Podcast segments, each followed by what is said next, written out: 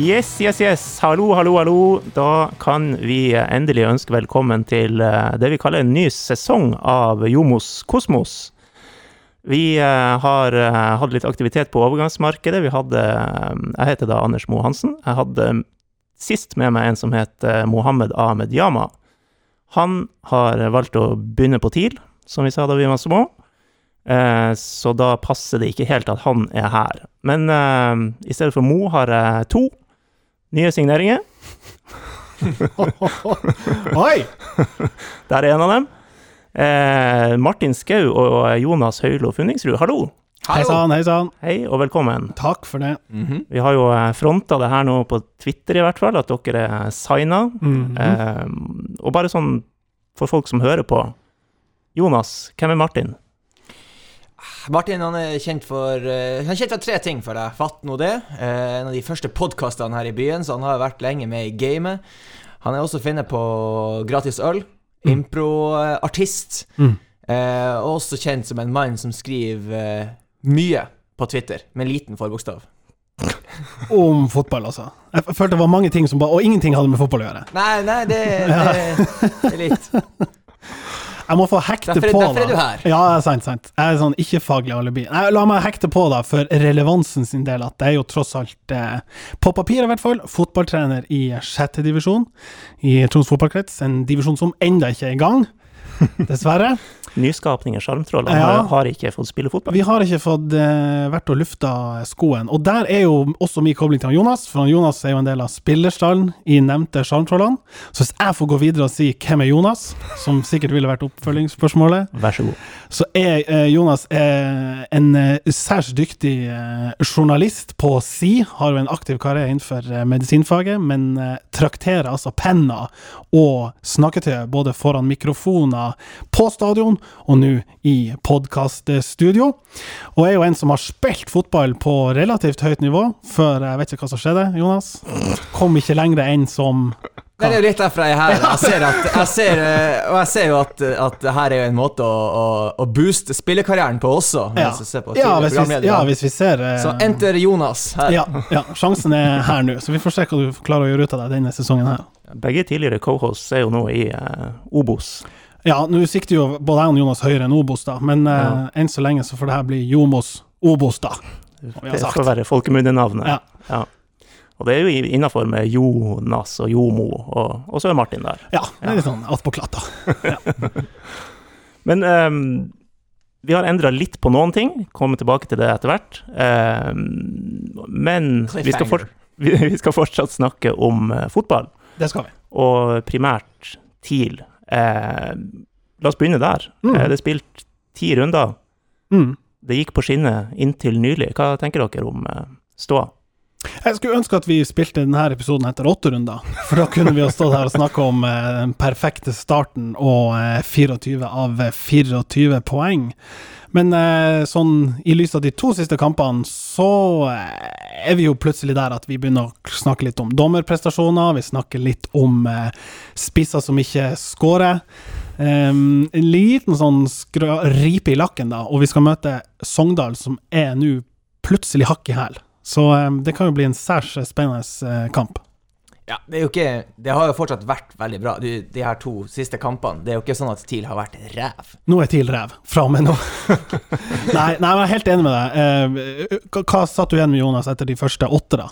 Jeg satt igjen med at han Gaute Helsup hadde fått eh, gjort eh, om på laget ganske mye, eh, både i og, nei, i spillestil og mentalitet. Mm. Eh, at du med en gang så hva er det som viker fra det, den fotballen som Valakari hadde. Og, eh, og du Ja, det får du kanskje med trenerskiftet òg, den der gløden og spillere som eh, TIL har mange av dem, de her som trenger glød for å prestere, altså som ikke er eh, helt eh, stone cold killers. Ikke sant? Det er en sånn emosjonelle spillere. Eh, Anders, når du har vært oppe på, på Alfheim, da, hvordan har du merka liksom, taktskiftet og, og temperaturendringer der oppe denne våren, da, kontra høsten som var, f.eks.? Det man eh, har sett og, og hørt ved å snakke med folk, er jo fremfor alt altså Man vet jo Gaute er, er fotballnerd i Mm. den eh, Det sier jeg så positivt som, jeg, Som det går an, Som, som det går an. Altså i positiv forstand. Eh, og hvor mye mer struktur det har vært på ting. På Mm. treninger, på planlegging. Mm.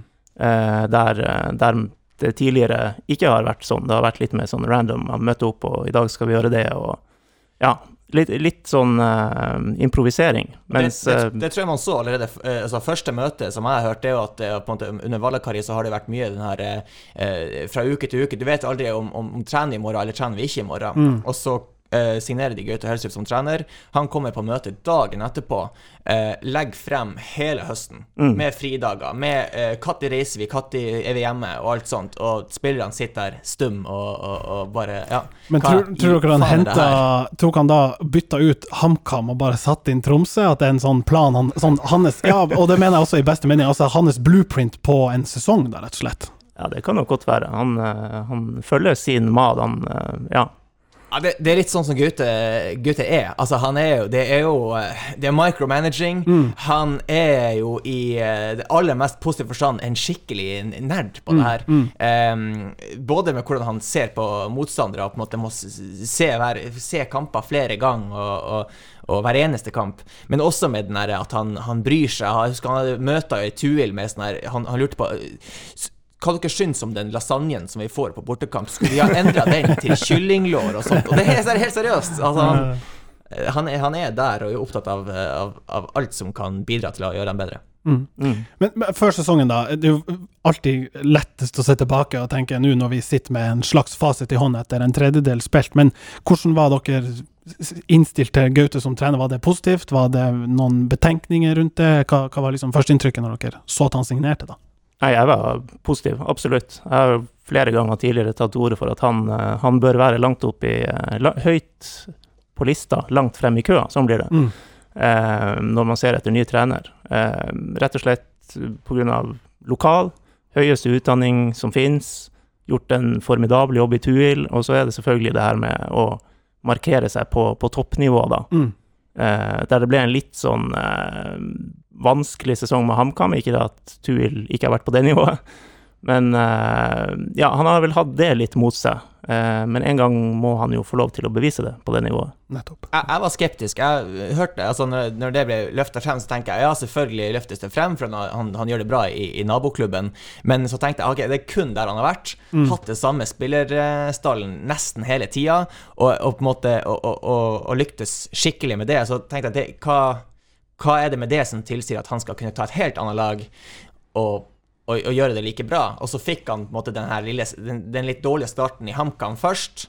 Og så eh, har han Men det, han gjorde det bra etter hvert. Men jeg tenkte med en gang at, at er det her en sånn oh, nu, Han fortjener sjansen, så han får den, men ikke sympati. Ja, litt, ja det, det føltes sånn, men han har jo motbevist det så til de grader, føler jeg. Jeg satt liksom med den der eh, Det som har for min del vært Gaute sin store styrke, og som Tuil på mange, mange sesonger klarte å, å være en sånt ek ek eksempel på, var jo angrepsspill. Altså etablert angrep, eh, spillemønster framover i banen. Sånn offensivt tankesett, backa oppover.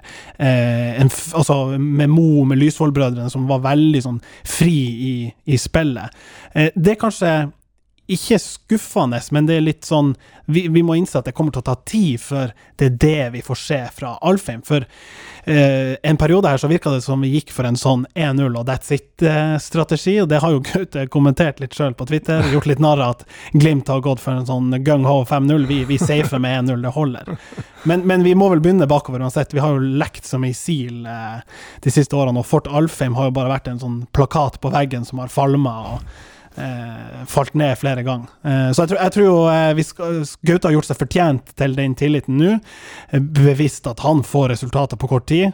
Og så får vi jo heller se utviklinga over lengre tid, om dette laget er godt nok både til å røkke opp, og så kanskje ikke være i nedrykksstriden hvert år. Ja, og det, og det er det jeg tenkte nå Før sesongen så tenkte jeg eh, det her er jo eh, Det her er ikke noe bra karrieremove, Gaute, for at du, du mot, det er ikke gull du overtar. I den tida eh, TIL ikke hadde noe særlig spiss, det var kun en Brage Berg Pedersen. Og, eh, men, men, men så det skulle bare en Asemi inn i bildet der, på papiret. Vi kan komme tilbake til de prestasjonene, men på papiret så tenkte jeg OK, her har man en sånn, en sånn ledespiss, en sånn Og da, da så laget mye mer komplett ut, sånn at det er godt besatt i alle posisjoner, og da tenkte jeg OK, her er oppvekstkandidat. Og 24 poeng av 30, ikke 24 av 24 nå, men 24 av 30, det er jo fortsatt lite å, å ta Gaute på, da. Sånn totalt. Absolutt, det lar seg jo høre. Og, og ja, Ranheim er i rygg, Sogndal likeså. Lillestrøm har fått en litt sånn trang start og ser ut til å virkelig slite med å bære historien på, på skuldrene. Men eh, jeg tror så langt så ser det bra ut. Ingenting som tyder på at laget liksom går i oppløsning. Det har vært et jævlig sånn tight kampprogram, lite rotasjon. Jeg tror vi trengte nå å liksom bare OK, riste av oss to tøffe bortekamper et sånt bananskall i form av et nyopprykka Grorud, og så en sånn gressmotstander, eh, Jerv, Arne Sandstø og de guttene der. Eh, Jeg har trua på at vi reiser kjerringa mot, eh, mot Sogndal og saftbygda. Jeg må, måtte si det. Det kom ikke utenom Ikke det. si tangotrøyen og Molesund, så er det greit. Men uh, hvis jeg skal ta Gaute på én ting, jeg har lyst til å ta han på én ting. Kom igjen, serve him.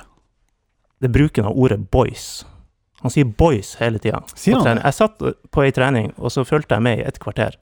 Det var 15 ganger. Det var én i minuttet i snitt. Sånn, kom igjen, boys! Ja.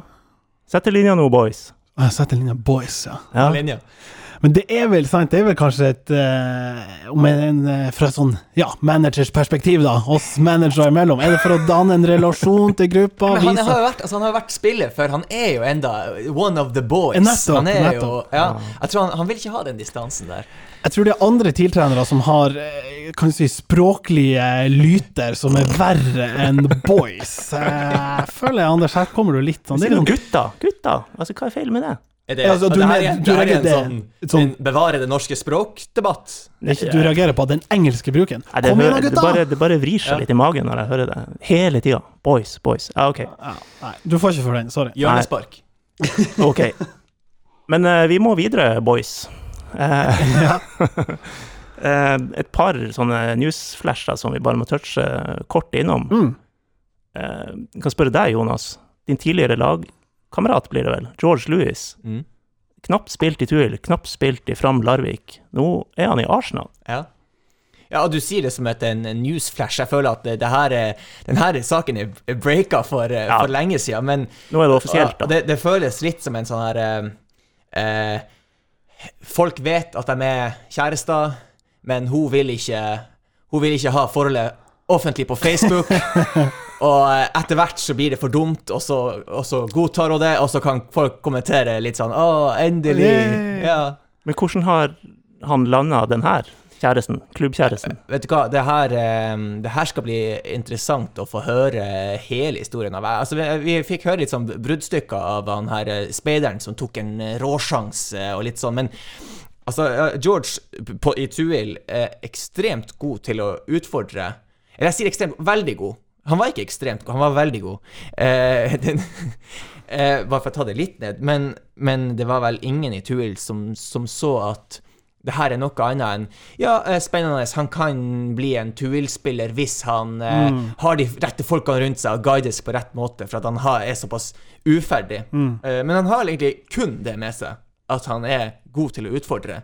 Han har ikke noe spesielt sjukt skudd eller en pasningsfot eller blikk eller sånt, men han er uforutsigbar og kvikk. Eh, og det kan du jo komme langt med. Spørsmålet er jo hvor langt kommer du? Altså, du signerer for Arsenal. Han har sagt at målet er selvfølgelig å komme inn på A-laget. Men, men eh, gapet mellom å ha liksom vært, som du sier, god, men ikke ekstrem i Tuil, til å skulle da konkurrere ut Jeg vet ikke hvor mange i Arsenal-systemet du må forbi for i det hele tatt at, eh, at han, Arteta skal se på han og tenke sånn Ja, du kan være med på A-lagstrening, eller ja, du kan være med i en kamptropp.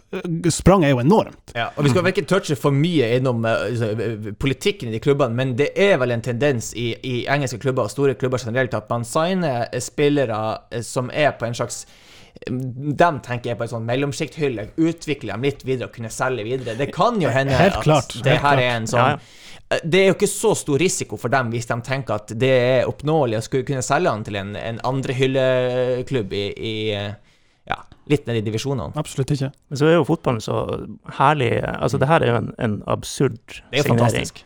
Ja, Ja, altså, vi, det, og- og det er nesten så vi bagatelliserer at Ja. ja. han gikk nå til Arsenal. Tenker, jeg, jeg, får, jeg begynner å tenke på Santiago Nunes fra filmen Goal her. Hvis, Ja, ikke sant? ja, ja, ja, ja. Ja. Men fotballen er jo Altså, det, det er jo eh, fantastisk at det kan være sånn. Altså, knapt sluppet til på nivå tre i norsk fotball, og så kan han jo ha ei magisk uke der borte, der han får ut alt Ja, det skal ikke mer til enn at den ene økta der den ene speideren eller assistenttreneren sier sånn Dæven, han der Vi må få han inn på A-lagstreninga. Ja, ja. Ja, for den negativiteten her må ikke uh, forveksles med å ikke ha et måte eh, Det er jo ingenting man har lyst til med at man ser at liksom, å helvete, PP skal byttes ut, Ja. George Lewis Ja. skal inn, og, Ja, og der er Sabaleta i pølsebua. Det ja. Ja, og det, og det, det er nettopp med det at vi, vi Det er nesten så vi bagatelliserer det, men tar vi ett steg tilbake, og jeg tror vi kanskje blir litt sånn bare Ting overrasker ikke lenger når vi har Haaland som bare skårer 100 mål i sekundet, og Martin Ødegaard tilbake til Real Madrid. Men når vi da får en local lad som har altså, spilt på Stakkevollan-banen og liksom som du sier, vært på nivå tre og lukta litt på nivå, og så er i Arsenal, det er sensasjonelt, Jeg strengt syns, tatt. jeg syns det var så rått. Det må selvfølgelig varme ditt Stakkevollan-hjerte òg, men eh, hvis du får gå på nordlys.no nå og se George Ruiz-saken, se det bildet som er tatt der med utsikten i bakgrunnen, og en litt sånn Jeg vet da faen, hva- det, det er liksom Russland 2000, og når var det VM der? 2012? Ja vel Ja, nei, det var jo 18, Nei, ja, 2018. Så Ja, den, der, så sent den der som 18. litt sånn fake Russland-VM-ball han Ja, har ja, i ja, ja. handa og, og trikser med, Ja. og, og bare Ja, nei, nå er det Arsenal. Han er symbol for alle som håper. sant? Spiller på Løkka, neste dag kan jeg spille for Arsenal. Det går an. Det er fett. Kort innpå også, eh, når vi først eh, har toucha innom noe som har med Tuil å gjøre. Eh, Jonathan Hill han er ikke trener der lenger. Hva dere eh, tenker om det, gutta? Litt sånn synd, for, for um, mannen og myten Jonathan Hill kom jo til byen med et, eh, en enorm CV, ikke sant? Eh, I en periode der uh, ja, Det var vel også Solskjær som, som kanskje, om han tok han med inn til Norge, eller var inne i United-systemet hadde møttes der, og et eller annet sånn uh, Hvis ikke du mikser med Mark Dempsey? Nei, men jeg lurer på om de var liksom i samme Ja, det er mulig. I samme mulig. periode, i hvert fall. Det å få impulser fra, fra utlandet med sterke CV-er, da. Mm. Eh, Men har jo ikke helt fått det til å klaffe, kanskje. Verken som hovedtrener eller som spillerutvikler, som han vel var i, i TIL en, en stund, var det ikke sånn? Ja, Han var jo assistent i TIL, eh, og så har han hatt sånn spillerutvikleransvar i, eh, i TUIL Ja, før, han, før han ble Ja, ja. trener. Altså, kom han til, Tu- til TIL med litt sånn eh, eh, Store ideer eh, om eh, Eller han hadde vel én sånn hovedidé som han skulle helt ta inn. Han skulle ha en sånn treer på midtbanen som skulle rotere hele tida. Han kalte det for the washing machine. Det var helt Get the ball into the washing machine. Eh, um, og og, og man, man syns jo det er rått første treninga, og så merker man at det er, er det så sinnssykt stor plan med den her eh, vaskemaskinen. um, og, og så taper han litt eh, kredibilitet der, eh, og får den her med seg at han for hver ting han sier som du stiller spørsmålstegn med, så kommer den her uh, Listen, when I, when I was at Fulham, Mm, and Steve. Sidwell asked me Må ikke name-droppe Steve Sidwell, da kommer du ikke langt. Men det, det som er synd, er jo at eh, i TUIL så virker det som, og det har de jo sagt sjøl, at de har jo nedprioritert sport eh, og satsinga rundt A-laget eh, med trøkk på å bygge, bygge klubben og bygge omgivelsene rundt og strukturene rundt. Så det er liksom noen, Det er litt som ryktet som Guardiola har fått. da. Noen trenere passer bare i en sånn viss sjikte av klubber. Kanskje Jonathan Hill sitt tankesett og sitt, sine ideer kun passer i klubber eller lag med en viss størrelse, ikke sant. Eh, mens Ja. andre trenere, som jeg eksempel, hører ikke lenger opp enn i tredje-fjerde divisjon, kanskje. Sånn at du, det, det finnes et sånn tak der du kanskje best, har best match. Ja, Du mener han har en bunn? Ja, og en topp, kanskje. Ja. Eh, om den toppen er Fulham, eller og om bunnen kanskje var ikke så langt ned som norsk fotball eh, Ja. 1, 2, 3. Ja, altså han har jo på en måte Han har jo vært ungdomstrener i, i om det er både United og City. Ja, sant, det mener han. også- og- Sterk CV. Ja, det, det, det er jo sterkt, men han, er, jo utvikler barn der. Ja. Det er det han gjør. Mm. Og så har han vært eh, landslagstrener for Ku- Kuwait? Jeg er litt usikker på hvordan, men det, det, der i, det er mye sand der, tror jeg. Ja, ja. Uh, uten at det har vært så utrolig bra. Og så har han kommet til å være assistenttrener i, i TIL. Ikke så mye suksess. Tilbake, plutselig får seg assistenttrener som Fulham. Fulham har ikke så veldig suksess. Jeg vet ikke Nei, gikk ikke så bra. altså, han har jo ikke den der Han har jo aldri vært hovedtrener og på en måte Du, det- sant? Nei, fått det helt til, ja, ikke sant. Nei, ja. det jeg sier. Kanskje han bare ikke Skryt for lederstil nå. ja, ja. Nei, Kanskje han bare er best på utvikling i en viss fase av en spillers karriere. Og det er jo dit han går tilbake nå. Nettopp. i nettopp. Tuil. Så hvis jeg Ja. kan tillate meg å eh, uttrykke meg i stikkord om det her, så er det eh, lite overraskende, riktig, modig. Jeg syns det er modig av Thomas Seide å, å, å gjøre det. Og jeg syns det er eh, egentlig litt stort av eh, Hill også. og Det er ikke mange som tar steget ned fra som hovedtrener og ok, jeg tar en mindre rolle i klubben. Mm. Ja, jeg syns det er konge av han. Godt oppsummert. Han er ute av vaskemaskinen og hengt opp til tørk. kan vi si det? Nei da, han er jo fortsatt i klubben. Det var litt drøyt. Du verden himmel og jord! Det er 4-1 til Tromsø! Da skal vi eh, ta et par spørsmål, for vi har faktisk fått noe allerede. Eh, vi har vært litt ute på Twitter og eh, fiska etter det. Eh, er dere klar? Ja. Ja. Andreas Seipajärvi, han har vært med oss lenge. Han er fortsatt med oss. Eh, han stiller et spørsmål. Jeg vet ikke hvor mye jeg som sportsleder i Nordlys skal mene her. Eh, dere gutter kan få prate litt fritt. Han spør eh, livechatten til i Tromsø, yay, yay or nay? Jeg så han skrev det der. Bare sendte en sånn fakkel i retning oss og tenkte nå, gutta, nå, eller boys, nå skal, det, ja, nå skal det brennes. Ja, jeg kan, eh, jeg kan starte. Jeg er, jeg er på en, jeg er på en yay. Jeg skulle ønske at uh, vi hadde sportsredaktører med litt bål som satte opp det her uh, i, i Nordlys òg. Eh, nei, men jeg, jeg, liker, jeg liker konseptet. Jeg liker um, den interaktiviteten det tilbyr.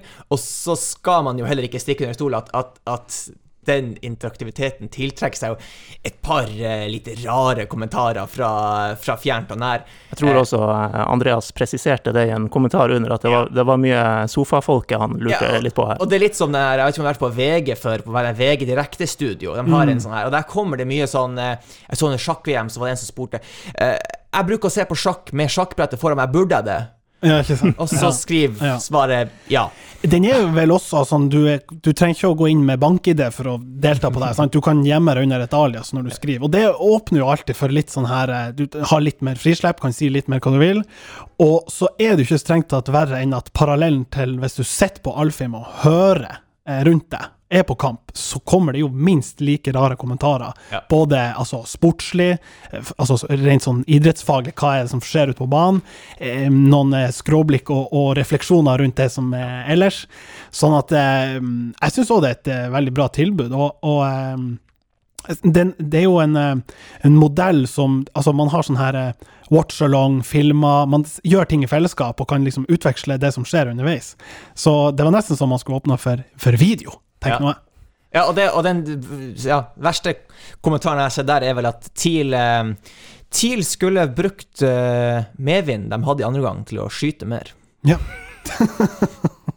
All right. ja. Vi gir en yeah yeah herfra. Ja, det er greit. Vi eh, skal også si at vi har prøvd å dra i gang lignende konsept. Vi, eh, vi har da vårt flotte direktesenter med tabeller og alt som, som vi bruker. Og Ronny Bratten, som for tida driver det, kjempefyr. Vært, Ja vært gjest på podkasten, og fin fyr. Bredde mann også. Ja, god mann. Ja. Okidok. Eh, et spørsmål til. Det er litt sånn eh, mer fotballfaglig, men vi kan prøve å svare kort på det før vi eh, skal videre til noe annet.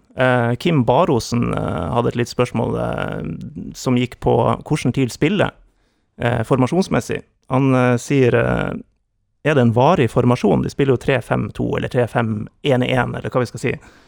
Eh, Gaute overtok en Vallakaristall, skreddersydd for tre stoppere. Vil han gå over til hans mer kjente firebackslinje når han får satt laget og henta egne spillere? Ja, neste spørsmål. Ja. Jeg tror òg det. Ja. Ja. Nei. Du tror nei? Nei. Du tror han har uh, forelska seg i tre bak? Hvor mange skal han hente? Han, han vet at Lasse Nilsen ikke uh, han, Jeg tror ikke han syntes Jeg tror ikke han var fornøyd med Lasse Nilsen som venstreback i, i en firer i Tuil, og fant ut at han la om til en femmer, så plutselig var han en av de beste på laget. Han Men nå, har den nå tror jeg jeg og Martin svarer ikke for neste uke, men Ja, nei, jeg Kanskje tenker, jeg tenker hvor, hvor store omveltninger får Gaute gjort med den stallen her? Når du har en de, Han har jo en, en, en Høydal som sitter med to foter på et heimbrekk her. Han er Ja, ja, ja. Nei, jeg er enig i den refleksjonen. Jeg tror det er helt riktig at han gjør jo det beste han har ut av spillmaterialet. Vi har jo 90 midtstoppere, eh, og som du sier, spillertyper som ikke nødvendigvis er skreddersydd for en, en klassisk eh, backrolle, men mer kanskje wingback-kant. Særlig Magnus Andersen, som har figurert i det siste på høyresida der, er jo ikke din tradisjonelle høyreback. Det stiller en del andre krav til posisjonering og samspill. Og, Ja. Men det er mulig at, at vi får se Så har han fire stoppere her som han syns dere er vanskelig å benke to av. Ja, ikke sant. Men på sikt så, så er jeg ikke fremmed for at vi får se en, en veldig sånn tydelig eh, midtbanetreer, som der en har sånn anker og, og går ned i treeren eh, og danner en backtreer mens backene går opp, ikke sant, sammen med de to stopperne. Og kanskje mest av alt det å få mer trøkk framover. Det å kunne ha en sånn offensiv trio der framme, eller en, i en 4-2-3-1, da. Ha en sånn tierrolle som Jonas Johansen hadde i, i glansperioden i Tuil, og at du har Lysvold, Mo, altså ekvivalentene til dem, som får litt mer fritt spillerom. For vi er litt baktung nå. Og jeg tror at vi har mer å gå på når det gjelder det som jeg mener Gaute sin, sin forse, da, det å et etablert angrepsspill kan være lettere en, eh, med utgangspunkt i firebackslinje. Så vårt klare svar til deg, Kim, det er kanskje. Men vi er vel alle enige om at akkurat nå så gjør han det rette. Kjør på, Gaute. Kjør på, Gaute. Vi har, eh, apropos Gaute, um, vi har fått noen spalter i år. Skal vi bare kjøre på med, med den første? Så skal vi, skal vi se om vi kanskje får høre Gaute.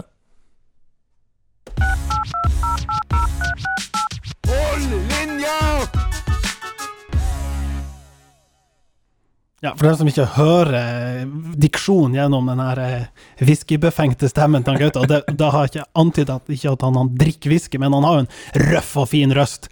Han roper 'hold linja', og det er vel dit vi skal, eh, gutta? Ja, vi skal det. Eh, hold linja med en lekker liten dobbeltbetydning. Eh, ropet til Gaute er jo det fotballmessige. Eh, vi ringer til folk. Det Ja. er det vi gjør. Ja, vi ringer til folk som har mening om TIL, og eh, det har vi gjort nå også. Vi kan gjøre oppmerksom på at uh, dette har vi allerede gjort før vi står her nå. Uh, jeg og du, Jonas, vi hadde en telefonprat med Patrice Bernier. Ja. Ja, som Kanskje bor- vi får høre den, bare. ja, vi gjør det.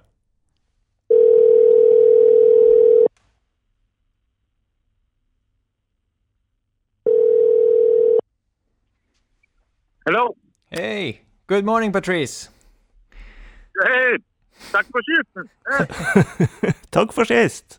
Norway calling. How are you? Yeah, I'm good, I'm good. Yeah? Uh, We have to clear one, one thing out uh, first. We, we had a Yeah. few messages going here. Um, are you actually making time for us on your daughter's birthday? Yeah, yeah. No, she's, but we're waiting for the people because we set up outside in the park, so it's just me and my family, but the rest of the family's coming in a few minutes. Uh, it's an honor, I have to say. It's a, it's a pleasure. You're the first Of guest. course, so Tromsø, it's not, it's not every day I talk to people from Tromsø, so Yeah. Well, I have to clear one thing out of the way first. Uh, what do you prefer, Patrice, Pat, or Bernie? oof. Uh, Pat, that's mostly what uh, people call me by, so it's Pat. Pat. Okay, we'll call you Pat. We, we have a, a range of questions for you, of course. Uh, but first of all, it's uh, like I say, it's it's an honor not just because you take time from your daughter's daughter's birthday, but uh, but just to talk to you. you. You're still regarded as one of the best foreign players to have played for for Tromsø, and uh, I mean, even though uh, football or or soccer, as you say, is is not hockey in Canada, you you're you're a massive football name in Canada. I'm I'm not wrong, right?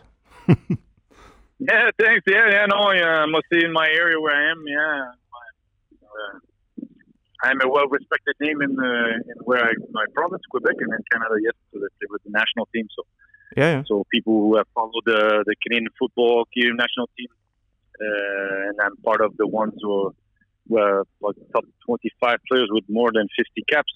yeah. So, so uh, it gives me a that privilege or that status to be considered as uh, the very few who have played and have a long career. And of course, Tromsø, yeah, it was a great part of my uh, great and fun part of my career. I get to play in the north of Norway and the north of the world, pretty much, and uh, to enjoy a small town, but uh, really have good time when I was there because I really enjoyed the, my time uh, uh, uh, in Tromsø and at Kiel and having experiencing also Europa League with them. So it was a, very good part of my career and uh, enjoyable. Since, since you mentioned it, you, you had the shot in Istanbul which hit uh, your fellow Canadian Stephen Adamolu. Uh, how much offside was he in? How much offside? Yeah. At that moment, I didn't really care because uh, with the VAR these days, it was completely different. Uh, but uh, the factor that we were able to go to Istanbul, play against a team like Galatasaray, that's revered already in the in the football world, and especially uh, their home home uh, turf, which was a former stadium because I think they've changed now uh, where they play. Yeah, yeah. It's a newer stadium. So it was a place that several other big clubs had difficulty uh, getting a result, and we managed to uh, eliminate them from uh, Europa League uh, in their place, at their place. It's a fantastic souvenir, and yes, uh, Steven goes by my shot, deflects it, goes in, and, uh, and, uh, and uh, we, we know the rest of the story. So uh, Yeah. uh, that definitely in my football experience is probably the highlight, one of the top highlights of my career outside of uh, playing at home.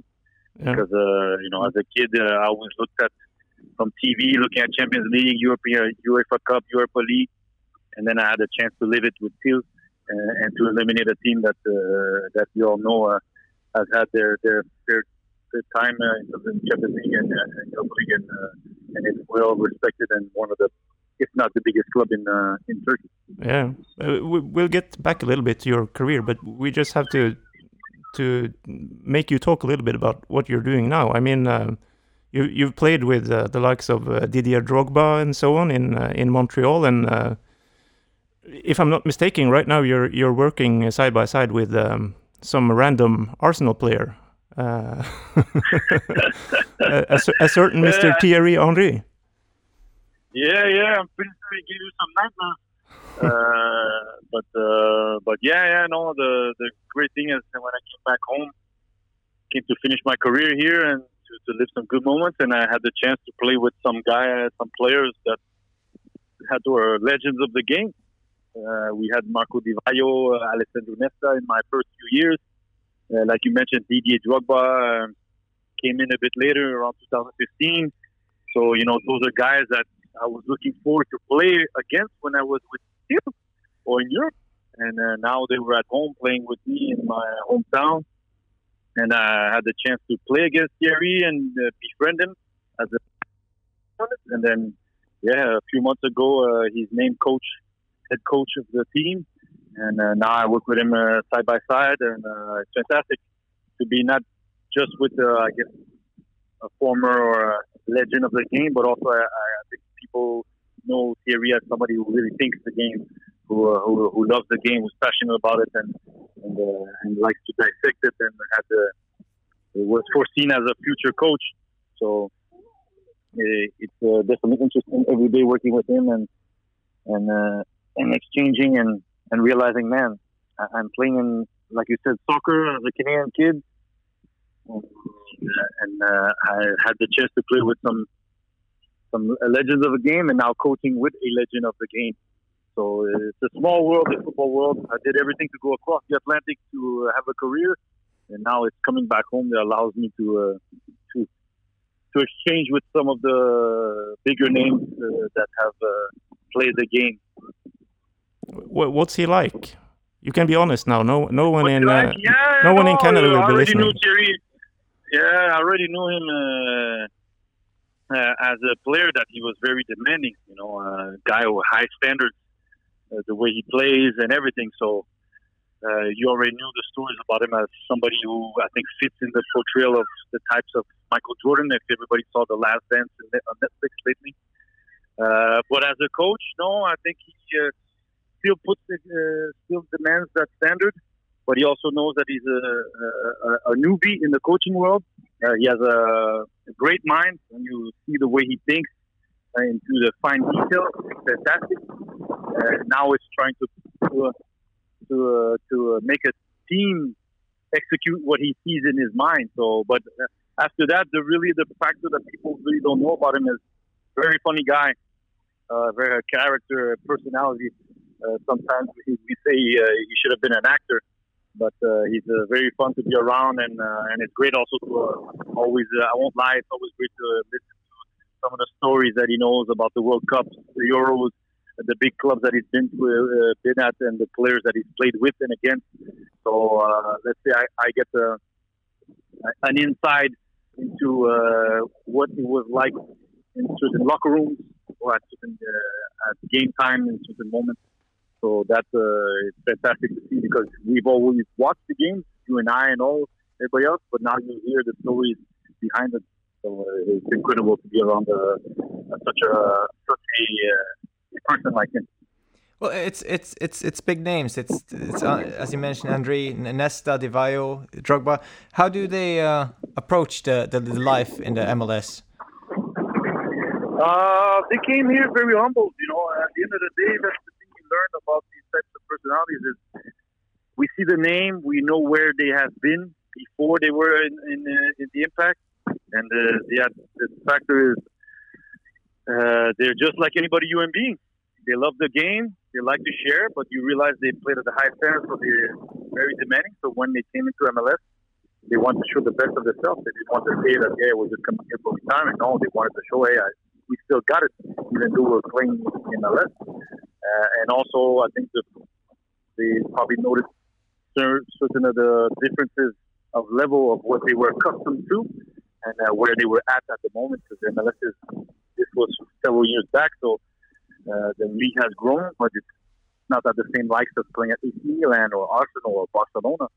Uh, so, uh, but it was great because you could see you could see the, the, the approach they have, the professionalism uh, and uh, and the demand that they, uh, they they have of themselves and their team on an everyday basis, which just kind of made me wonder how how was it playing with those guys when they were 28, 29, 30 at the peak of their careers and really dominating the game because Nesta is considered one of the premier defenders of his generation and uh, and Thierry is one of the premier forwards and probably one of the best corners, if not the best corners who have played in the Premier League. Uh, so, uh, strikers in the world. So, he is insane. So, it was just great. The great factor I have is I can call those guys as friends, and now I can have them and chat with them once in a while. Of course, I have Thierry every day, but I can uh, exchange with Didier or call Alessandro or Marco, and uh, knowing that it was just not being teammates, it's also uh, befriending them and, and uh, realizing that you're playing with some of the former champions of the world and legends of the game. Is it a little windy where you are, Pat? Yeah, yeah, I'm outside because uh, we're having uh, the birthday bash uh, outside. So, and for some reason, there's a lot of wind here, which usually is not the case. But uh, yeah, you mentioned all the great players. It, it, it wasn't that great players to start with. You you traveled to Moss, and it was uh, it was not Didier Drogba. It was Amin Askar, Håvard Zakariasen, and uh, another Canadian, Rob Friend. Why yeah. were there so many Canadians going to Norway and, and Sweden at that time? Uh, actually, the funny thing is, through an agent, uh, we were Canadian players, uh, all having uh, high hopes and dreams of coming to Europe, and uh, certain Canadians had already um, traveled across and did quite well. I think Marco Reda was in Sundal. Um, Rob Friend arrived just a few weeks before me. Uh, and, and, so when we arrived there, Olivier Osen arrived, I think, two months later at the at Old Greenland, and and so as we performed, I guess we opened the door to more Canadians to come because uh, I guess everybody else wanted to have the next Patrice Bernier, the next Rob Friend, uh, the next uh, Lars Hirschfeld or and company who, who were coming and performing well, and even in Sweden, at Tiba Hutchinson that started over there. So at one point, I think we were uh, 10 or 15 or 20 Canadians uh, in uh, in Tipe Liga or Adecco Liga at the time, and playing in Sweden and, and Denmark. So I guess the first ones who came did well and kind of opened the door to, to have more. And then, uh, like you mentioned, uh, the Stephen Adamoulis arrived later on, the Kenny Stamatopoulos, Lars uh, and, and, so on. Who, yeah, Lars Hirschfeld who came in, and then, like I said, Ali, Ali Gerba. Uh, there was others who played also in the Adecco Liga at the time. So, so. but, but how when, was it? you, you said you enjoyed your, your, football in in Tromsø. Looking back on being a Canadian in Tromsø, how, how was that? I mean, the life outside the pitch. Uh, it was funny because I was playing in Moss and I was playing with uh, because uh, UK Valpin was there too. But I was playing with uh, in Moss, and when I got transferred to Tromsø, a lot of people from the south were telling me you should not go to the north. Uh, you know, there's a lot of snow. It's dark uh, all year long, stuff like that. Uh, you know, stuff stereotypes. And uh, it was funny because I was like, man, this is people from the south of Norway telling me not to go in the north, that it's not the same. And as a matter of fact, when I arrived, I felt I had a better time living in uh, in the north of Norway than I did living in Moss. Uh, and uh, I must also give a lot of uh, thanks to the Johansson family, Jonas Johansson in particular, but his family. Because when I moved, I lived on the same street and on a regular basis. I must say the good thing is I came in the summer, so there was no darkness. So it was fun, fun to come to Tromsø and know that yo every day, uh, if it could be 12 o'clock or 6 o'clock, it seems like it's the same uh, time. So, uh, so, uh, but I, I really have to, uh, as they say, hilsen til uh, familia Johansson uh, because they uh, they opened the doors. I was able to go there and eat uh, almost regularly. Uh, play with Jonas. We were playing PlayStation and playing NBA. he probably re- remembers beating me often. I remember beating him, but uh, I got to give them thanks because they they opened the door and they they they, they made me wel- feel welcome. Because of course it, you want to perform on the field, but you want to have a life off uh, outside the field.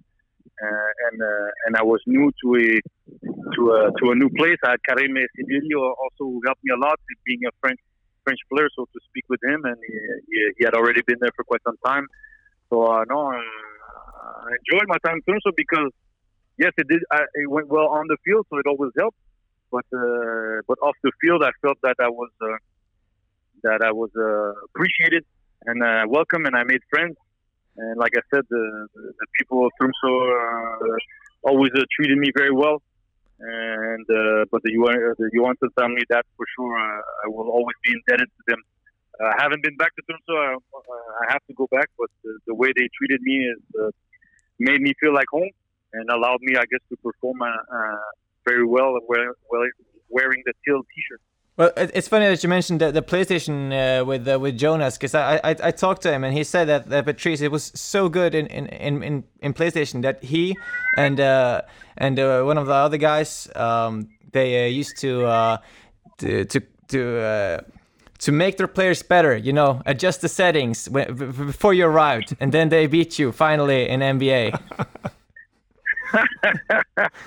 no, man, it's a good times, man. NBA 2K at the time it was brand new, so uh, like I said, it's fun moments I have. I still talk to Eunice a little bit. So I see that he's uh, training now with the Teals. Uh, but yeah, it, it was great. Uh, like I said, and also it was one of the summers where it was 20 something degrees and above. And uh, they told me, don't be accustomed to this. It's not always like that in the summer. Uh, but it was fantastic. Uh, 2004 when I arrived, I, I felt like I was at home, even though Til was a small, or Tromsø is a smaller town. I felt I was part of a uh, club that seemed very uh, familiar. Uh, most of the players came from the region, and uh, and allowed me, I guess, to perform and excel very quick, very very quickly, very quickly uh, uh, uh, in my first game. Did, did the Johansen family introduce you to the nightlife of Tromsø? No, no, no, no. Uh, Yunus was only what 17. Yeah, he was young. Time, very young. Uh, his daughter, his sisters, very young. Also, they had, uh, uh, I think they're four or five because he has three or four sisters. The youngest one was barely a few months old. So it was really just going to their house uh, in the backyard, playing uh, badminton, uh, goofing around. Well, he, he, Uh, the rest of the nightlife that comes out with the other players. you don't need the family; you just need some of your teammates to show you the rest of the town. Yeah, he told me he told me that uh, there were two places that you went. One was uh, to the family's house to eat dinner, and if you didn't do that, Yeah. you went to uh, the restaurant Shanghai Wok next to the bridge. Yeah, yeah, that's true. Shanghai Wok, we went there quite often. Oh, there's a few places. There was a cafe. Uh, I don't cafe in terms of is it Strum? Strum. Uh, Well, well, well, said right that if if you won a game, then you had half the price at Shanghai Wok for the rest of the week.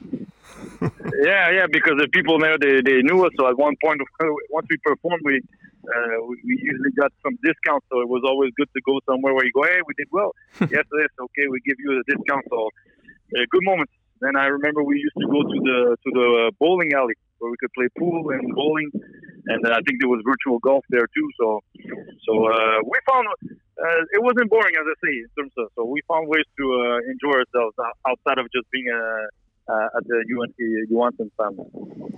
Yeah, I, I heard I heard that people on the team were gaining weight after you and Melissa introduced them to, to pancakes with maple syrup. Ah, yeah, because I had my uh, yeah. Of course, I invited a few of the teammates over because there's certain holidays that were Canadian holidays that we like to keep celebrating. So I invited the teammates over. My wife is a fantastic cook. At the time, she uh, yeah, we weren't married yet, but uh, the time so we invited people, and uh, UNS got a touch of what it is to be North America, Canada, and uh, maple syrup is the trademark of Canada.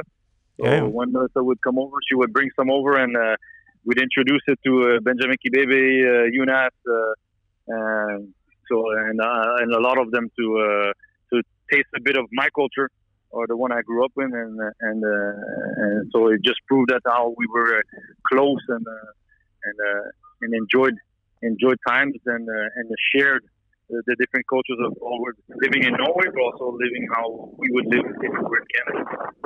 But uh, just a question: you, you're talking very warmly about Tromsø and, and your time here. Um, Yes. at one point, you became a little bit grumpy when they chose not to sell you for 20 times the amount they bought you for. you had a chance to play play time, more in uh, Istanbul. Yeah, remember.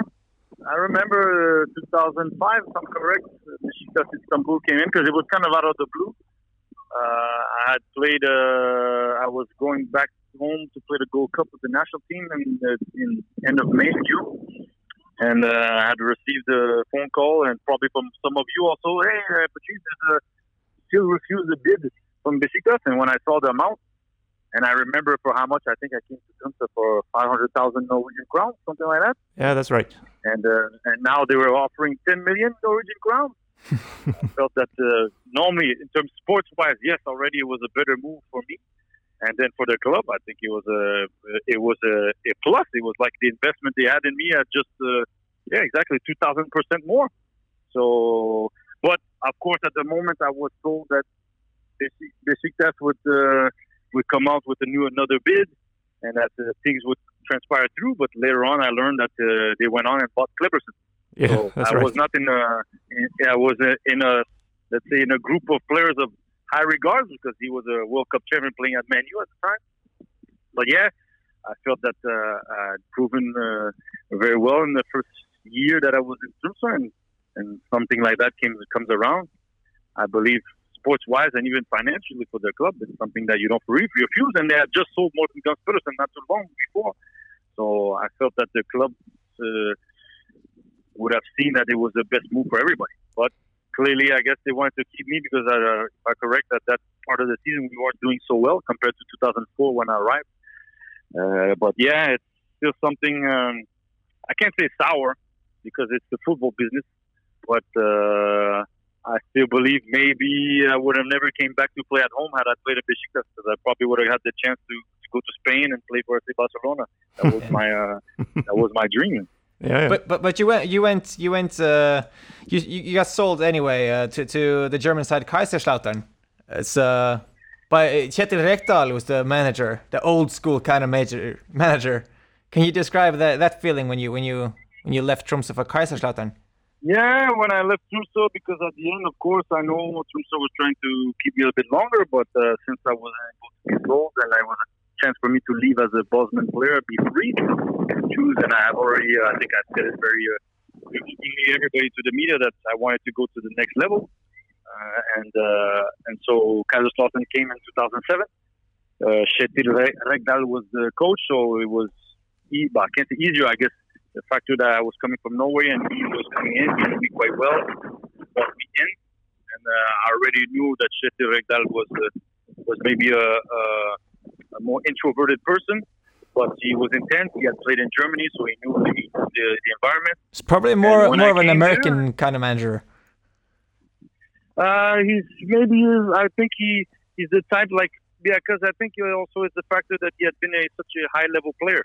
Yeah. And so you type tend to become a manager where you you want the players you or maybe you expect the players to be at the same level what you see. Maybe the same reality is that at a certain next another degree that Thierry Henry is here in MLS, uh, which is not the same level as where he played in Premier League or La Liga.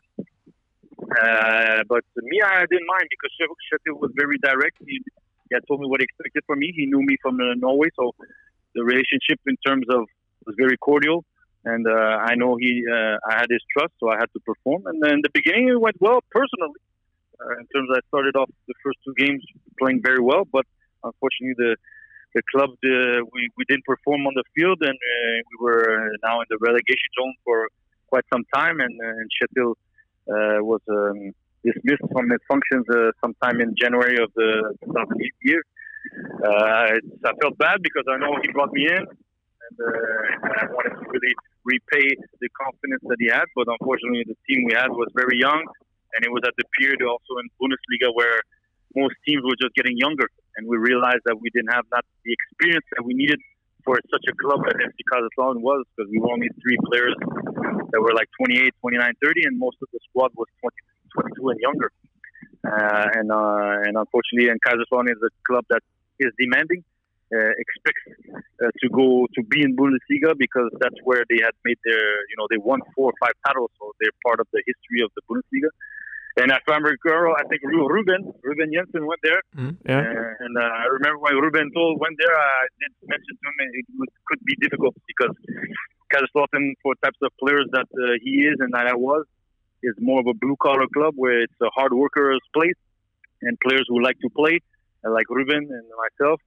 Uh, sometimes you don't necessarily can or able to express yourself as the same as maybe you had when you were in Tromsø or or in a, with the with in a, in the type of club or in a style of play that allows you to uh, to maximize your potential. Now uh, Ruben is back in Tromsø, and uh, Kjetil Rekdal is uh, just appointed as coach of HamKam, who will uh, play against Tromsø this season. It's, uh, Ah, okay.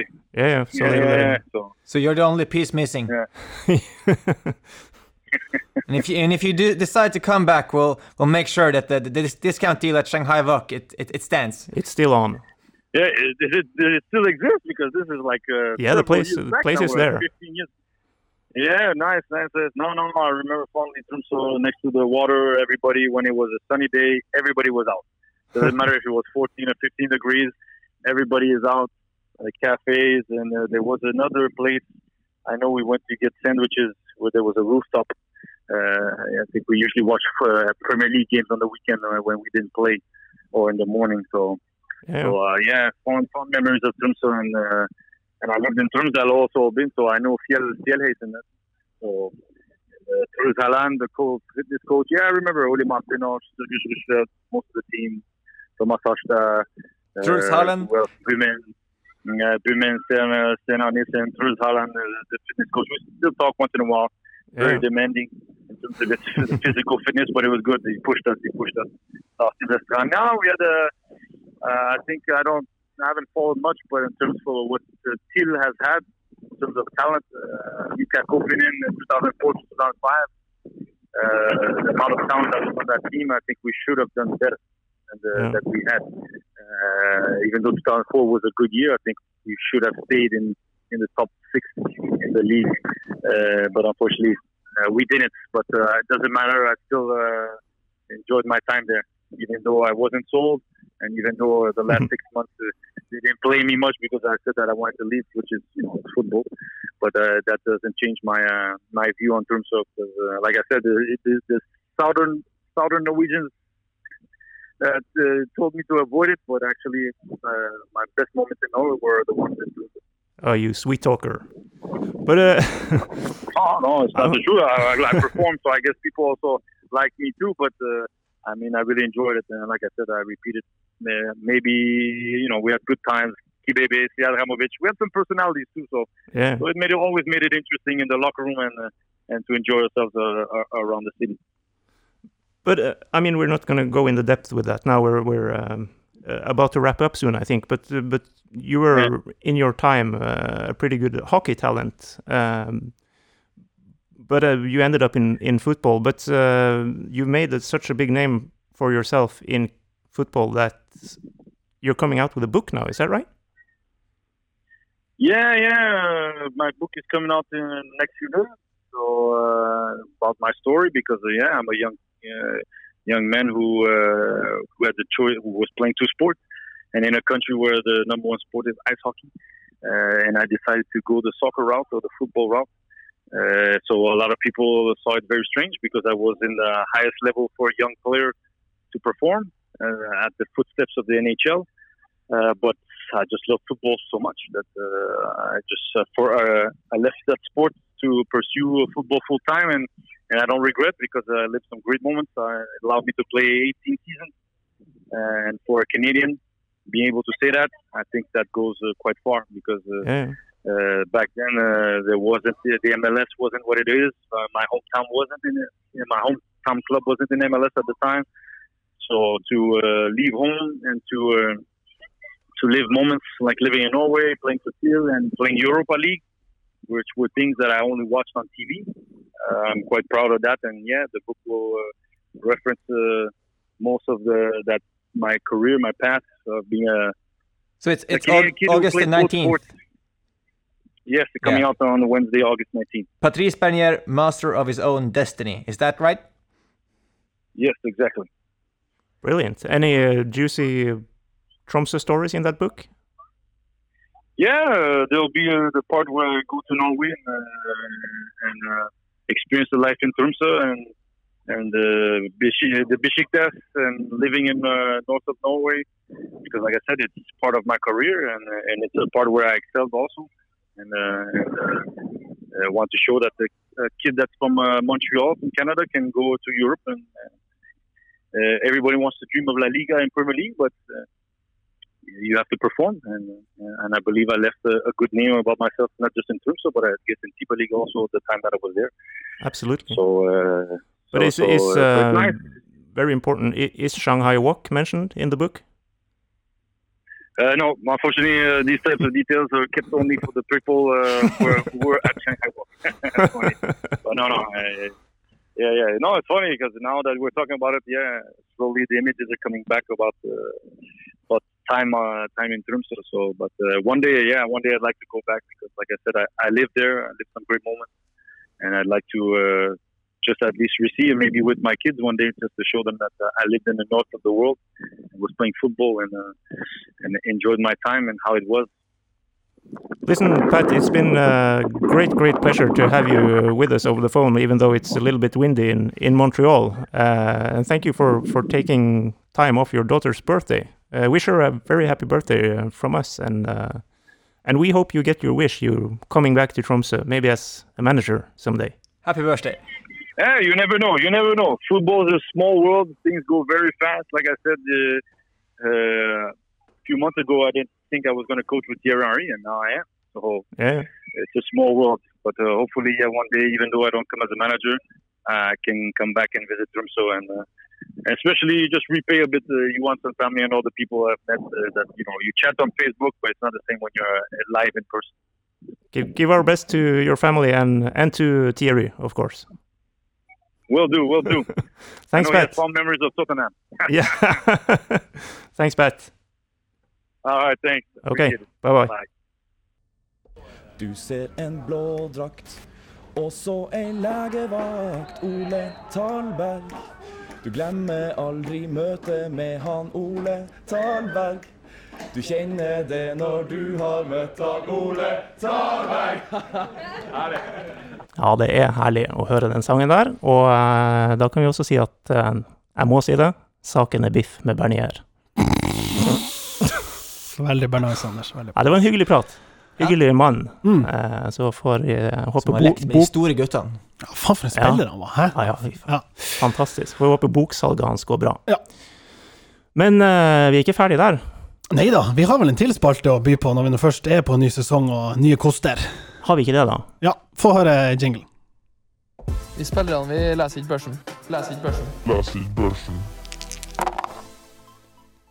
Ja, den er fin. Den er fin. Den er fin. Vi er, vi er jo vant til å, å, å gi børs her i Nordlys, og, eh, og eh, Skaug, du bruker å ha mye mening om hvem som er best til ditt og datt på, eh, på Twitteren. Ja, man er nå vel rask og skal bedømme folk, sånn at det må man jo bare fortsette med, ikke sant?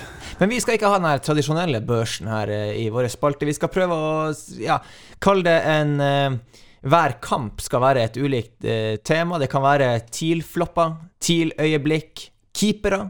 Eh, og så skal vi eh, ta opp eh, litt ulike av eh, varianter av dem, og så gir vi dem en børs. Og til slutt så kan vi oppsummere og kåre en banens beste. Veldig bra. Ja. Én til, ti vi bruker.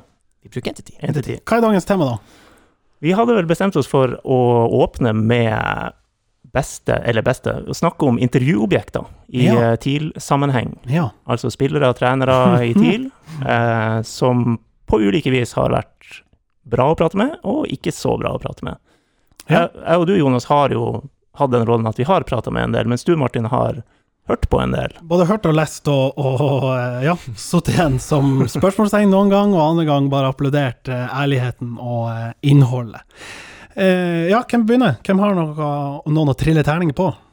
Jeg kan godt begynne. Ja, få høre. Eh, jeg, hadde egentlig, jeg hadde tenkt å dra opp Jonny Hansen. Det blir, det blir litt for gammelt, Oh. egentlig. Ja, men ja, jeg, jeg, jeg husker Jonny Hansen eh, da jeg flytta til Tromsø i 2001. Så er han en av de første spillerne som jeg ser eh, spille kamp. Og han først jeg tenkte, var Forbanna hestkuk ute på banen. Jo, men så, han var jo rå i jeg- stilen. Jeg husker nok ikke så mye av intervjuene med han, men ut ifra den stilen han hadde Ja, og hårfargen. Så skal, så, skal det, så skal det mye til for at ikke han river litt kjeft ute i pressesonen der. Ja, tør å melde litt. Han meldte mot egen klubb, man måtte hente spillere der og der. Altså, han, var, han var jo litt løs kanon, men, men eller frittalende, som man også kan si. Men rangerer man det, gir man det bra rating, at han er frittalende? Ja, for her kommer det jo litt sånn inn med eh, Ok, hva er et godt intervjuobjekt? Er, Ja. det, er det for han som skal skrive saken? For at du har jo noen av de her eh, eh, vet ikke, Andreas Nygaard, som er sånn langløper. Han er Mm. sånn som at Ok, kommet på sjuendeplass, det er ikke så mye å hente i kanskje saken du skal skrive, så ringer du han. Og så, så begynner han å legge ut om en uh, diett med, med kanelbolle og alt sånt, og så skriver saken seg sjøl. Kjempegodt for journalisten. Ja. Så har du den som skal lese saken, eh, om de liker det. Og så har du også lagkamerater av laget. Hva er best for laget her? Vi må prøve å finne en totalitet her, Ja. kanskje. Jeg skal ikke legge skjul på at for, for oss som jobber med det her, så er det jo til tider noen man tenker vi ringer han. Ja, nettopp. Og Jonny var jo den typen. Du ser jo Pål André Helland blir jo hele tida intervjua når det er noe med Rosenborg. Noen er litt sånn. Ja. Ja, er, er han på Helland-nivå? Er vi liksom innledende karakter, hvis du skulle liksom risse en sånn Ja, men, sju, er vi der? Eh, Ja, som journalist eh, vil jeg si det. Ja, og da Ja. tenker jeg også som leser også, så liker du Ja, å Ja se da, ja da. For, for eh, hvis, hvis det er på samme, så kan vi på en måte Vi kan gå over til en, en eh, litt som er litt mer i nutida, for å sammenligne her. Hvis vi går til Runar Espejord, Ja. eh, som har den her famøse Etter, etter at vi ble slakta mot eh, Glimt, så hadde han den her 'Vi treffer ikke på bussen', vi treffer ikke på Sant? Ja.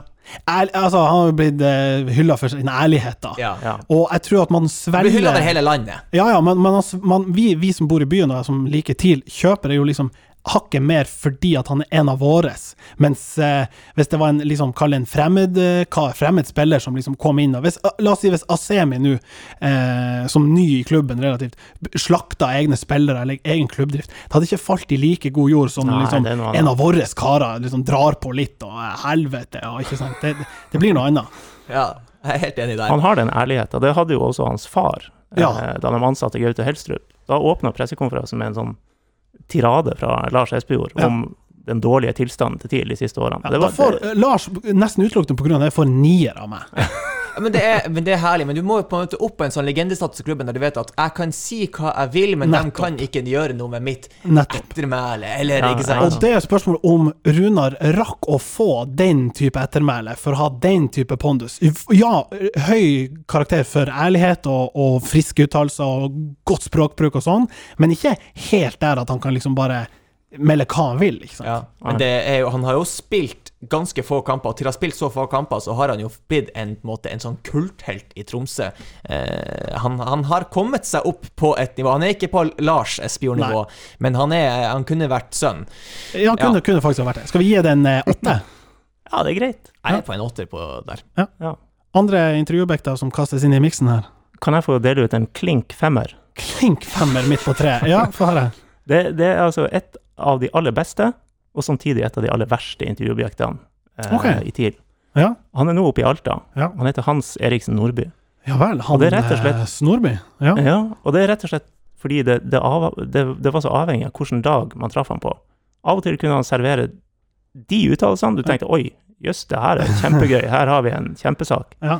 Og noen dager så måtte du stå og trekke ut ord og trekke Mm, ut mm. ord. Og ja, nei Sånne svar. Men, men, men, men uh, Hans Nordby er jo som et sånt, sånt kunstprosjekt. Ja, ja, ja, Han, er, uh, han, han, la, han, han tror han liker å lage litt klein stemning. Han syns det er gøy. mm. Jeg vet ikke om dere har sett det, er det ligger faktisk ute på Nordlys, det også, på web-TV. Han har et intervju med han Kent Are Antonsen nede på La Manga, der han skal intervjue Nettopp. han. Nettopp. Og begynne å Og det er ikke alle som ville ha gjort det, ikke sant? Nei. Byr på seg sjøl, så jeg, jeg, kan, jeg ville ha jobba han opp på en sekser Ja, er greit. på grunn Ja. av toppnivå. ja, Og så har han et bunnivå som faen ikke ligner grisen. Og der sant. tror jeg vi ender på en klink femmer. Ja, ok, greit. Jeg, lar den ligge. En annen, du sa nei. Eh, han er jo verdenskjent for å starte setninger med nei, og er egentlig per deff et kjedelig intervjuobjekt. Og det er jo Sigurd Rushfeldt. Ja. Ja, du skårte ditt eh, 3000. mål i dag. Fortell, eh, er du fornøyd med det? Nei, jeg er nå sånn på En sånn innebygd, passiv, eh, liksom anti... Sigurd er ikke noe godt intervjuobjekt. Nei, men får jeg skyte inn? Ja, ja. Blitt mye friskere i sine voksne år. Ja, og det er det jeg sier. Han har jo også litt, og- har jo pondusen og legendestatus, som kan Ja, si ja, egentlig ja. hva han vil, men Ja. har bare ikke klart å utnytte det helt ennå. den, den hyllinga di, Anders, det er, det er jo på en måte noen som på en måte har ligget Altså, hatt eh, Ligget lavt i terrenget hele livet, og så plutselig så stikker han opp han «Titt, deg», og så blir han hylla for det. Det er Ja. Ja, nei, jeg, jeg, jeg gir han Bruk skalaen her. Ja, jeg gir han eh, tre Ja. som intervjuobjekt. Syns det. Ja. Syns det er helt fint. Og så fire i nyere år. Spilleren Sigurd Rusfeldt Ja, det er jo to, ja, det, så, altså som intervjuobjekt. Eh, Voksne Sigurd Rusfeldt, sjekk det opp til en tre. han Altså. to som spiller. Ja. ja, nei, det, det går ikke. Det går ikke. Ja, eh, eh, eh, og da kan vi gå til andre enden av skalaen. Jeg regner med at han plasserer seg der, men du har jo da eh, The Bosnian Sead Ramovic. Han må med. Han må jo med. Jeg, jeg husker bare Når, vi, når jeg nevner han sjøl, så, så kommer jeg på den her eh, han, Jeg tror han kalte seg sjøl en Guds gave til fotballen. Og Ja, det er vel ikke det eneste han har uh, utbasunert at han er. Det her er famøse intervjuet foran speilet med sånn I am the best in the world og alt det her. Men du må, altså klarer du å karve til deg 4,5 millioner i lønn i året hvis du er i TIL, da, da er du special. Også, ikke bare i intervju med journalister og sånn, men tenk deg jobbintervjuet. jobbintervjuet! Ja, Ja, ja. Jeg husker ikke hvem som var direktør det året, men som bare Han var sånn her han kunne, solgt, han kunne solgt deg den penna her. ja, mildt sagt. Jeg gir han ehm, åtte fordi at han er litt for borat for meg. Og Ja. jeg tror det er Altså, det er ikke ekte. Ja, ja men, det, det, men han bryter aldri karakter. Sånn at, men når folk er sånn der, Ja. så tenker man helt at Nei, du er ikke egentlig nå, nå spiller jeg et spørsmål, og så skal vi se om du klarer å holde på den. Han var jo sånn hele tida. Ja, ja. Nei, men det blir f- for sjukt for meg. Jeg gir det åtte. Ja, vi lander Litt på sånn det. Ikaros. Ja. Ja, ja, ja. Ellers sånn opp gjennom årene, jeg har intervjua mange tilspillere, og som hovedregel veldig mye hyggelige folk. Veldig Ja. Mm. Eh, men så er det noen som er litt kjedelig, kanskje, Mhm. og andre byr mer på seg sjøl. Mm. Eh, og i, i lavere enden av skalaen eh, siste årene, Christian Landu Landu. Superhyggelig type, Ja. men det var jo aldri noe å hente. Altså, det hadde blitt verdens kjedeligste avis hvis man bare skulle intervjue Christian Landu Landu. ja, skjønner. skjønner. Jeg er jo fra Stavanger. Det er ikke litt sånn Det, det, det følger med. Det er litt arrig. Kanskje. Men, eh, men eh, OK, hvor, hvor går grensa for hvor mye liksom, content skal en fotballspiller levere? Nei, nei, jeg, Eh. jeg, vil, jeg vil bare ikke at alt skal bli sånn her post Premier League-kamp-intervjuer. Der, der det er innlærte sitater. Ja, jeg er helt enig i det. Men jeg tror også det har sammenheng med liksom, hvem er du på banen, hva slags type spiller er du. Landu Landu rivjern med liksom fem meters pasningsfrekvens, eller eh, omkrets, da, og kan nå Da blir intervjuene deretter, tenker jeg. Ja, men jeg liker at de på en måte Du kan, du kan være litt sånn tro til at du henger ikke ut lagkamerat, ja, Ja, ja, men, men krydre det. Jeg føler at vi har Daniel Berntsen i lag. Du vet at når du intervjuer han, så sier han ordet saus, eller han sier eh, Ja, han, han, han legger inn et litt sånn sexy Ja, ord. Sånn, ja, der, ja, det- ja, ja. ja. Så kan, kan eh, budskapet være hva som helst, men du har visst det. Du har i hvert fall eh, One of the people. Ja, ja, enig. Saus der, altså. Ja da. Men ja, vi, skal, vi trenger ikke å, å eh, vente for lenge før vi returnerer til litt høyere tall på skalaen. Nei. Eh, får jeg lov å spille inn en til? Ja. En av de der veldig hyggelige, da, men også en, en melder. Remi Johansen. Mm. Hessfjordslegga. Hestefjordslegga. Ja. Ja, jeg håper du har bare Jeg, jeg, jeg syns du bygger videre på Daniel Berntsen. Du bare løfter det opp litt. Ja, det- eh, Han kunne også sagt saus for å eh, gi et, en rød tråd her, helt siden Bernaisen din. Um, han, han har den der med seg at han sier ting sånn som det er, mm. men han henger ikke ut lagkamerater samtidig. Nei, nei, altså, for, eh, det er jo alltid på en måte laget. Han er jo ikke um, Han får den ærligheten som, som, som lytterne, seerne og leserne ønsker. Mm -hmm. uh, og så er han Han er fortsatt litt sånn Han stiller høye krav til seg sjøl. Ja, ja, ja. han, han er med i dragsuget dragsuget hele ja, tida. Kaster seg sjøl under bussen i Ja, tillegg. ja, litt sånn. Ja. Han hadde vel uttalelsen eh, Han skåra et mål for første gang på lenge, eller hva det var, at det var som å ta på et kvinnebryst for første gang. Altså, Ikke sant? Ja, er Det- litt eh, det er saus, det er bare en litt sånn Det er litt kunstnerisk Litt der. lyrisk anlagt, da. Det er veldig Ja. fint. Og så kom han da med Vi har spilt det av før på podkasten, men vi, vi gjør det igjen. Ja, Tåler et gjenhør med den. Han kom med en uttalelse. Jeg tror det her var, hvis jeg ikke tar feil, ikke lenge etter at TIL først hadde tapt 4-5 hjemme mot Vålerenga, og i etterkant av det, en vi kanskje også kan snakke om, Steinar Nilsen kom med sin uttalelse om hodeløse høns Mm. eh, for å beskrive laget. Det er jo friskt. Eh, Men eh, Remi Johansen han var ikke noe mindre frisk etter å ha tatt på Aspmyra 16. mai. Skal vi høre? Spill. spill. Drita, peise, helvetes, dritelendig. Sånn føler jeg meg nå. Ja. Herregud. Jeg syns det er nydelig. Ikke, en, for å trekke en liten parallell, så har du Kristian Gauseth på Mjøndalen som har den der. Jeg vet ikke om du har sett det intervjuet der han slår i veggen og Ja, sier ja, at og, sånn, og den kjøper man ikke. Nei. Her. Er jo ekte. Ja, for også når du vet typen Remi, Ja. som er sånn seig, laidback, ja. ærlig fra Ringvassøy, det der er jo spot on. Eh, og, og det var jo peisa drite helvetes elendig i den kampen. ja. Så det er jo eh, nei, Man må si som det noen gang. Og jeg, jeg tenker vi må, vi må hylle det, den type krydder eh, som de gir. Og for å bare gi en eh, shout-out til Steinar Nilsen, han eh, har jo bare fortsatt å uttale seg om TIL. Selv om han eh, på tro ære ikke skulle gjøre det. Men han er et fantastisk intervjuobjekt. ja. Eh, han er på en måte godhjerta i bunn, har et hjerte for klubben, det kan man ikke betvile. Og er liksom Han er òg litt sånn hva skal jeg si, kunstnerisk i språket og, og liksom leke seg med store ord. Og jeg, jeg har sjansen for han. Jeg gir Remi en nier, eh, og Steinar en eh, sjuer. Jeg, kan Ni, jeg, jeg hadde òg ni det- på Remi, sju på Steinar. Ja. Ja, i hvert fall når du er tenker på hvor tilgjengelig han er, Ja. hvor mye han serverer. Nå blir det mye høye tall her. Jeg må Ja. ta den litt ned med én. Ja. Mikael Nore Ingebrigtsen. Ehm, eh, gutten som aldri blir medievant. Føler at du uh, Han har et par intervjuer her på Eurosport uh, der han eh, Ja, det virker som om du kan få han til å si hva som helst, egentlig. Ja, og- og bare, du stiller, bare du stiller ledende nok spørsmål. Ja, OK. For når du sa Mikael, så tenkte jeg jeg kan ikke huske et eneste intervju med han. Ja, men det er jo fordi han har vært skada nå. Han har vært ute Jo, av jo, jo, men, ja, ja, men det betyr jo også at han har ikke liksom Fått mindre medietrening den perioden nå. Nei, sant. Og, øh, nesten så jeg kan liksom ikke gi karakter engang. Jeg har liksom ikke noe å vurdere han på. Nei. Ikke IV, ikke Nei, vurdert. og ofte så er det jo sånn når folk blir bytta inn de 20 siste minuttene i kampene. La oss si vi får kort tid til uh, vurdering, og vi ender vel Mm. der på Mikael også. Ja, jeg tror det. Kan vi trekke Steinar opp til åtte? Ja da, ja, herregud. Jeg liker Steinar. Jeg har en som kommer også fra dagens stall, som på en måte eh, ikke er i de samme kriteriene som vi har nevnt nå, men eh, Simen Wangberg. eh, Det ble nevnt nå at måte, han har stått skolerett hver gang det går til helvete med TIL. Og- For, for øvrig mannen som, som prater i vår flotte jingle. Ja, det er det. Mm, Ja. Eh, det burde man høre. Men, men stått skolerett. Tar imot, er tro til egen stil, legger ikke skylda på noen. Mm. Alt sånt. Jeg tror det er sånn veldig bra for, for spillerne og treneren Mm. og sende han ut i intervju. Mm. Og, og på en måte, hvis man kan tenke er det et godt intervjuobjekt hvis du på en måte løfter Du bidrar til at neste kamp blir bedre for laget. Ja. Så tror jeg at han Simen er lang, langt oppe der. Og så blir det litt kjedelig, og derfor er det jo litt sånn at når, når TIL vinner, så spaserer jo han forbi uten at du, du spør ikke om en kommentar. Han er faen kaptein på laget. Ja, ja, Det ja, er jo. Ikke sant? Ja. Eh, Han burde En liten hyll der. Jeg, jeg, jeg vet ikke helt hvor jeg lander på pga. kriteriene blir så forskjellige, men ja. Jeg er enig, og vi skal ikke glemme at uh, han ble jo kaptein i klubben i en alder av 23 år. Og det var nevnte Steinar som, som nevnte han ut som liksom, etter å ha testa litt ut i preseason. Så ble Simen Wangberg kaptein i ganske ung alder, og du ser at han har rutine. Men så glemmer at man, han er vel bare kan 29-30? Ja, 29, tror jeg. Sant? Så opp, som du sier, opptrer som en veldig sånn lojal soldat som har vært i krigen før.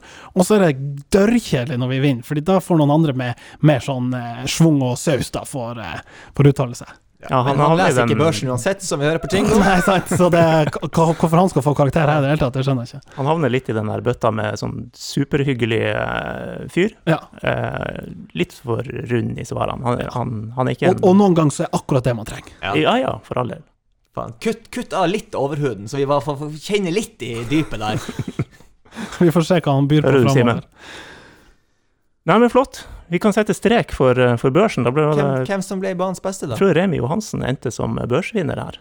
Hessfjordslegga. Vi må få Hessfjordslegga. Hansen sine s-er inn her. Hesfjordslegga. Og jeg, jeg bare sier det nå, jeg tror ikke det er den første børsen han kan toppe utover høsten. Jeg bare, jeg bare sier det. Ja. OK, OK. ok. Spennende. ja.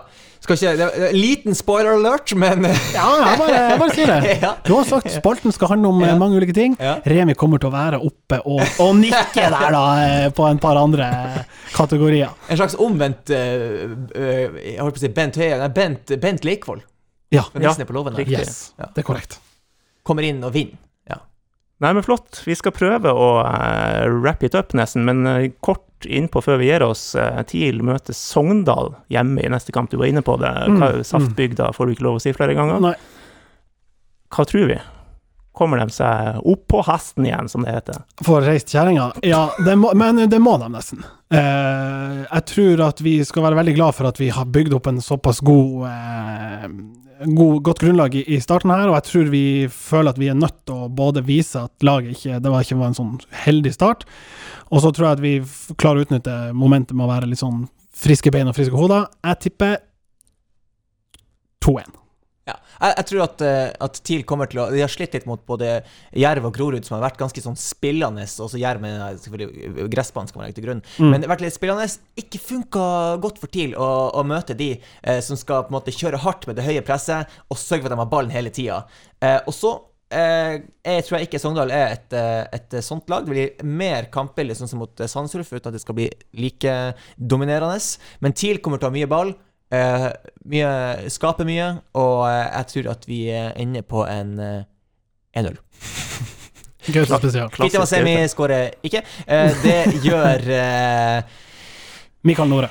Mikael Nore Ingebrigtsen. Ja, han var veldig frisk da han kom inn mot Jerv. Da Altså. skal vi ta et lite intervju med han eh, etter kampen. Ja, så se om han kan dra opp karakteren Ja. litt. Da får jeg være litt sånn her eh, party pooper og si at Sogndal slo Ranheim 4-0. De har vært veldig god i preseason før man kom eh, til sesongen. Tippa høyt av mange. 1-1, sier jeg. Jo, men sant, hvis du skal Når vi møter Saft mot Makkøl, det, det blir hjemmeseier. Ikke tenk på det. 2020 er året der Fort Alfheim blir eh, nevnt. Gjenreist. Ja, gjenreist. Ja. OK. Håper dere Ja. får rett. Ja. Og Sogndal riv ikke den ned. Nei. Ferdig snakka. Skal vi bare si eh, snakkes? Ja, let's do it. Vi gjør det. Hei, hei. Hei. Hi, Philip. Great match today. Congrats, 30 years. Have a nice Saturday. Congrats again. Have a nice evening. We take them all. Just take them all. Have a nice evening. Happy birthday. Happy birthday.